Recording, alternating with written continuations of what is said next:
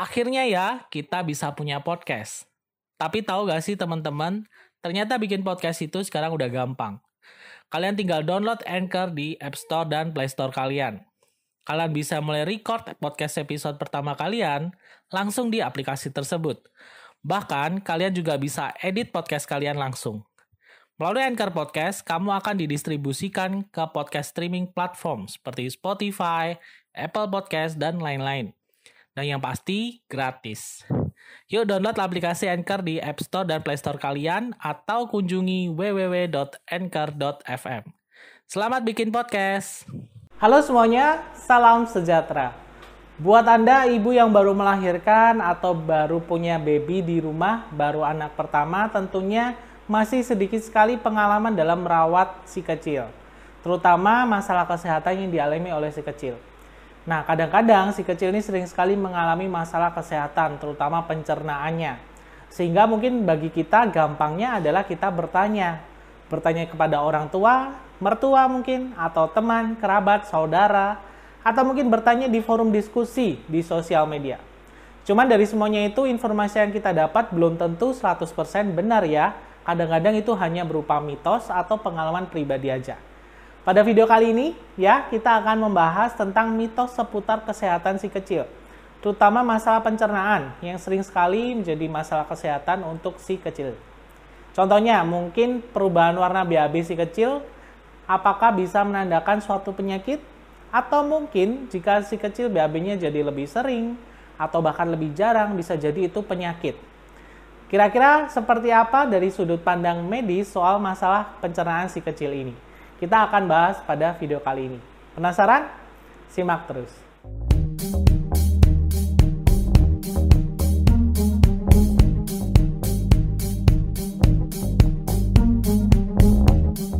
Oke, langsung aja kita bahas ya. Jadi kita setiap orang tua pastinya mendambakan kalau misalkan si kecil ini nggak pernah sakit, ya sehat-sehat terus aja. Tapi masalahnya ada aja masalah yang dialami oleh si kecil, terutama kesehatan pencernaannya. Misalkan si kecil tiba-tiba perutnya kembung, atau mungkin warna BAB-nya tiba-tiba berubah, atau mungkin frekuensi dan konsistensi BAB-nya tiba-tiba tidak seperti biasanya. Tentunya ini jadi pikiran ya, Nah, pada video kali ini kita akan membahas mitos seputar kesehatan si kecil, terutama yang berkaitan dengan kesehatan pencernaannya. Contohnya, mungkin ini yang pertama yang paling sering kalian dengar, ya. Benarkah minyak kayu putih bisa digunakan untuk meredakan kembung pada si kecil? Ya, minyak kayu putih ini sangat familiar ya kalau kita dengar. Bahkan mungkin kalau kita sendiri nggak enak badan, masuk angin atau mungkin perutnya mual, kembung, pakai minyak kayu putih.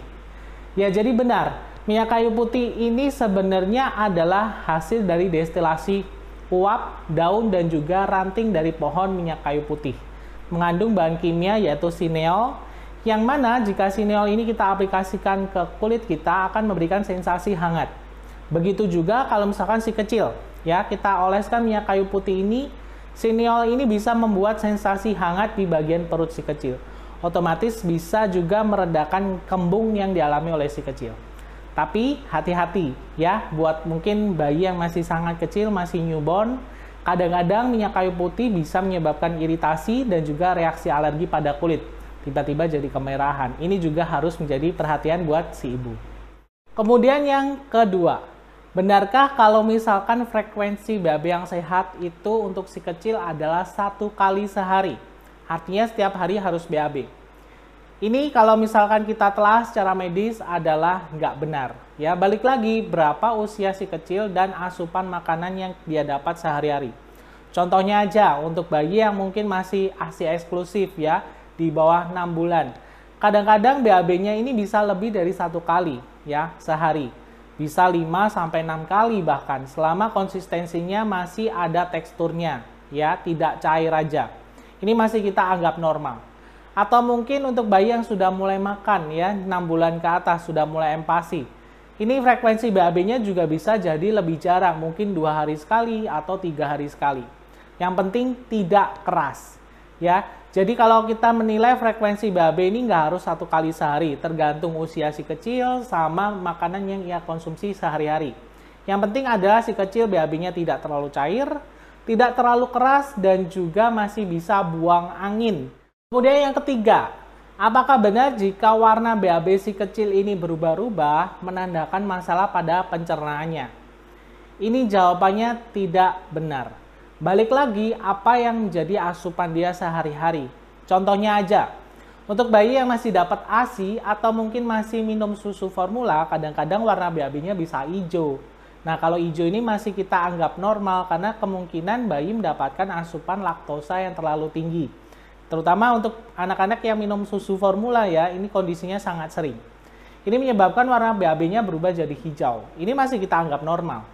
Nah memang sebenarnya warna BAB yang normal idealnya itu adalah kuning keemasan, tapi ya balik lagi tergantung makanannya.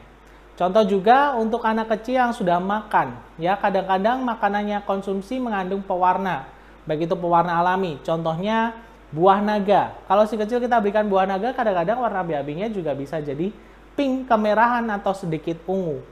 Ini sebenarnya masih kita anggap normal, jadi balik lagi kita lihat sebelumnya ini makan apa ya. Kadang-kadang itu juga bisa menyebabkan perubahan warna pada BAB-nya.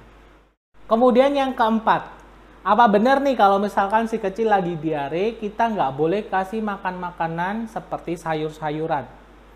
Ya memang kalau si kecil diare kita harus lebih selektif ya memilih makanan yang dikonsumsi. Bisa aja makanan tersebut malah justru bikin dia diare atau memperparah kondisinya. Makanya kita harus pilih-pilih. Memang betul untuk beberapa sayur-sayuran kita tidak boleh berikan ketika si kecil lagi diare. Contohnya seperti brokoli, kol, kubis, kemudian kacang-kacangan. Ini sebaiknya kita stop dulu pembeliannya karena bisa menyebabkan diare semakin berat. Tapi tidak semua sayur-sayuran ya. Seperti wortel, jamur, buncis ini masih bisa kita berikan untuk si kecil yang sedang diare. Justru makanan ini bisa membantu pemulihan dari diarenya. Terpenting dari semuanya adalah ketika si kecil sedang diare, kita harus cukupi kebutuhan cairannya supaya si kecil nggak dehidrasi atau kurang cairan. Kemudian yang kelima, apakah benar kalau pemberian serat yang tinggi pada si kecil bisa bagus sekali untuk pencernaannya? Jawabannya adalah benar. Kita tahu kalau misalkan serat ini bagus untuk pergerakan usus, mengoptimalkan konsistensi BAB-nya, tinjanya, dan juga bagus untuk kesehatan pencernaan. Pemberian serat tentunya ini harus diperhatikan. Ya, kalau misalkan si kecil kurang serat, biasanya sembelit ya. Nah, serat ini bisa kita dapat dari makan makanan yang di, biasa diberikan. Tapi ingat ya, tahapan usia si kecil, kebutuhan seratnya juga berbeda.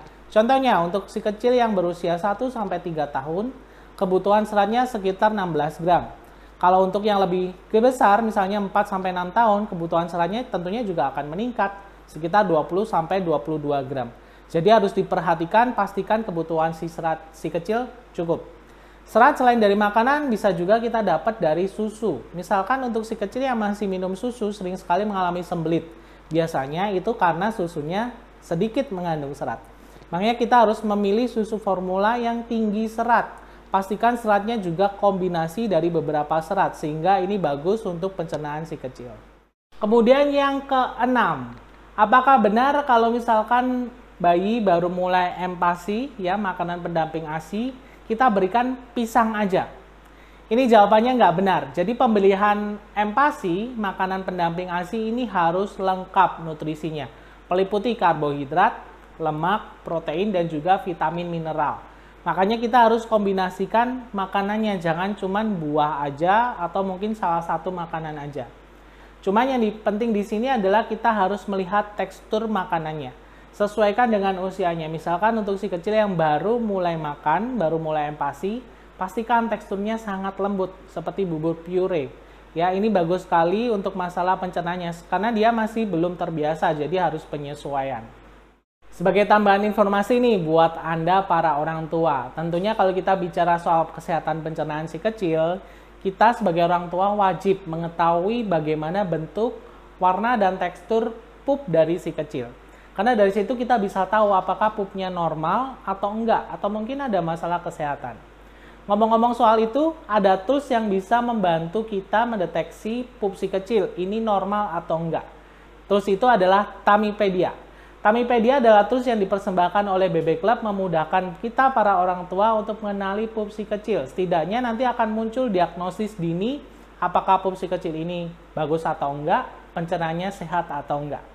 Jadi kalian gampang cukup masukkan aja gambar pup si kecil yang masih ada di Pampers, nanti akan muncul data-datanya bagaimana pup si kecil ini normal atau enggaknya. Bahkan di sana nanti ada informasi tambahan seperti apakah si kecil ini cukup serat dan nutrisi. Bahkan di sana nanti kita bisa download resep makanan yang cocok dan sesuai untuk kondisi si kecil. Akhirnya ya, kita bisa punya podcast. Tapi tahu gak sih teman-teman, ternyata bikin podcast itu sekarang udah gampang Kalian tinggal download Anchor di App Store dan Play Store kalian. Kalian bisa mulai record podcast episode pertama kalian langsung di aplikasi tersebut. Bahkan, kalian juga bisa edit podcast kalian langsung. Melalui Anchor Podcast, kamu akan didistribusikan ke podcast streaming platform seperti Spotify, Apple Podcast, dan lain-lain. Dan yang pasti, gratis. Yuk download aplikasi Anchor di App Store dan Play Store kalian atau kunjungi www.anchor.fm. Selamat bikin podcast. Oke teman-teman, jadi di sini saya akan mencontohkan bagaimana kita memakai tools Tamipedia dari BB Club ini untuk mendeteksi kesehatan pencernaan dari si kecil. Ya langsung aja kita masuk ke websitenya www.bbclub.co.id slash Tamipedia. Setelah itu nanti kita akan diarahkan masuk ke homepage dari BB Club ini. Nah, tools Tamipedia ini sebenarnya kita bisa melihat bagaimana kondisi pup si kecil, ya. Kemudian tidak itu juga kita bisa menilai asupan serat dan nutrisi si kecil ini cukup atau enggak ya dengan kalkulator nutrisi. Kemudian nanti juga akan muncul uh, hasil dari screening Tamipedianya yang bisa kita download untuk nanti kita konsultasikan ke dokter semisal dikatakan bahwa itu tidak normal. Ya, langsung aja coba kita cek kondisi pup si kecil. Nah, di sini kalian bisa mempersiapkan juga ya mungkin foto pup dari si kecil yang masih ada di Pampers. Itu nanti kita bisa kirimkan di tools Tamipedia ini. Atau kalau enggak kita bisa masukkan aja nanti bagaimana kira-kira kita menilai uh, konsistensi warna dan bentuk pup dari si kecil. Kita cek aja. Nah, di sini kita perlu memasukkan identitas dari si kecil ya. Misalnya Joy.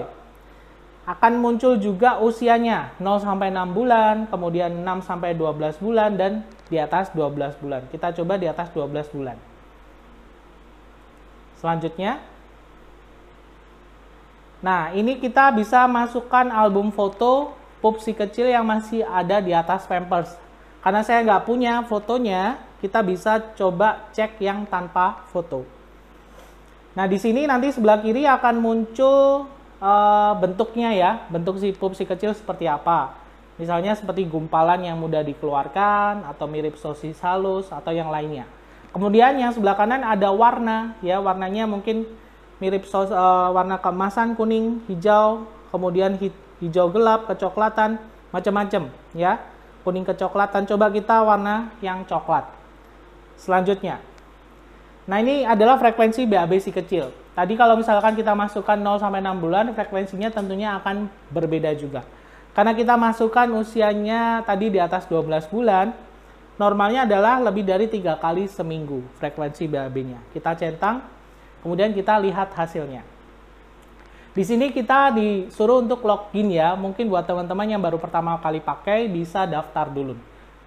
Nah, setelah tadi saya login, muncul kesimpulan dari tadi yang kita masukkan, data-data terkait pupsi kecil. Kondisi pencernaan si Joy 26 April 2021. Selamat ya Bu, pencernaan si kecil sehat. Di sana ada penjelasan sedikit ya tentang bagaimana pupsi kecil dari dokter. Bisa, bisa kita baca selengkapnya cukup panjang ya. Kemudian kita juga bisa download hasil dan resep tinggi seratnya. Yang nanti kita bisa coba di rumah untuk resepnya ini mem untuk membuat makanan si kecil. Jadi gampang banget dan sangat bermanfaat. Mungkin buat teman-teman yang tertarik ingin mendeteksi bagaimana pup si kecil ini normal atau enggak, mudahnya saya sertakan aja link di deskripsi. Nanti kalian akan diarahkan langsung ke homepage dari BB Club ke tools Tamipedianya. Oke, sekian penjelasan seputar mitos kesehatan pencernaan si kecil. Tentunya kalau misalkan kita mendapatkan informasi tidak harus bisa ditelan mentah-mentah. Ya, kita harus memilah-milah lagi apakah informasi yang kita dapat ini valid atau tidak. Makanya buat teman-teman di sini sebaiknya mencari informasi dari sumber yang valid.